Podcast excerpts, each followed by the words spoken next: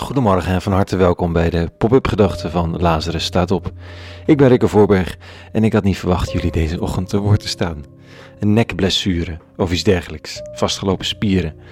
Eh, dat had ik en dan blokkeert opeens alles. Ik realiseer me dat ik zo gezegend ben met gezondheid dat ik ook meteen in de stress schiet van zo'n vastgelopen schouderpartij. Gelukkig zijn er pijnstillers, ontspanningsoefeningen en lieve mensen en zie daar toch weer in de pen geklommen vanochtend omdat ik het niet kan laten, als het ook maar enigszins kan. Dus ik ben er toch nog even voor het weekend. En wel met de titel Fijne naïviteit. Poorgedachten, donderdag 13 februari, vrijdag 14 februari 2020. Wat doe je als de boel vastloopt? Ik, ik schrijf elke ochtend een pop-up gedachte. Al jaren. Elke werkdag dan, hè? Af en toe is er een verslaapmoment, soms is het vakantie. Gisteren was het geen van beide. Een blessure, nekpijn en er stroomt dus niks meer tussen hoofd en handen. Daarom moest ik het na twintig minuten naar mijn scherm staren werkelijk opgeven. Dat is me nog nooit gebeurd. Normaal gesproken begin ik dan te schrijven dat ik niks te zeggen heb en ontspint zich vanzelf een gedachte. Maar soms loopt het vast en dan kun je niet anders dan melden dat het vastloopt. Ik wist het ook wel, had ik niet woensdag in de pop-up gedachte al gemeld dat het soms zo verrekte moeilijk is om te vertrouwen als alles los in de lucht hangt en de toekomst onzeker is?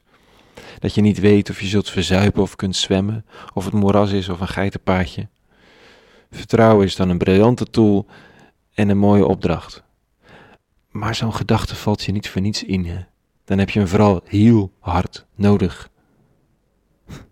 Het is heel tof altijd om te horen dat mensen iets aan je gedachten hebben, en dat het mooi wonderlijk aansluit bij de processen waar je mee bezig bent. Maar wat tof is. Maar ik ben net zo hard steeds weer de ontvanger van de ochtendteksten. Als jij als luisteraar. Ik klik dan wel op allerlei verzendknoppen, zo tegen 7 uur. Maar dat is puur omdat er het een en ander al is ontvangen die ochtend. Waarom schrijf ik dan vandaag, hè? vraag ik me af. Geldingsdrang, bang om niet gemist te worden, kan allemaal hè.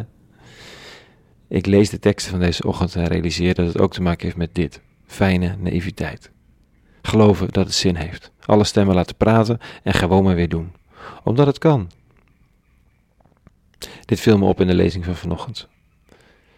Uh, ga dan, zegt Jezus. Maar zie, ik zend u als lammeren tussen de wolven. Neem geen beurs mee, geen reiszak, geen schoeisel en groet niemand onderweg.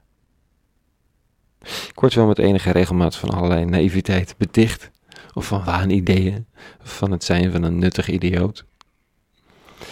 En er is niet zo heel veel om het te verweren. Je krijgt dan de tekst dat je ego te groot is.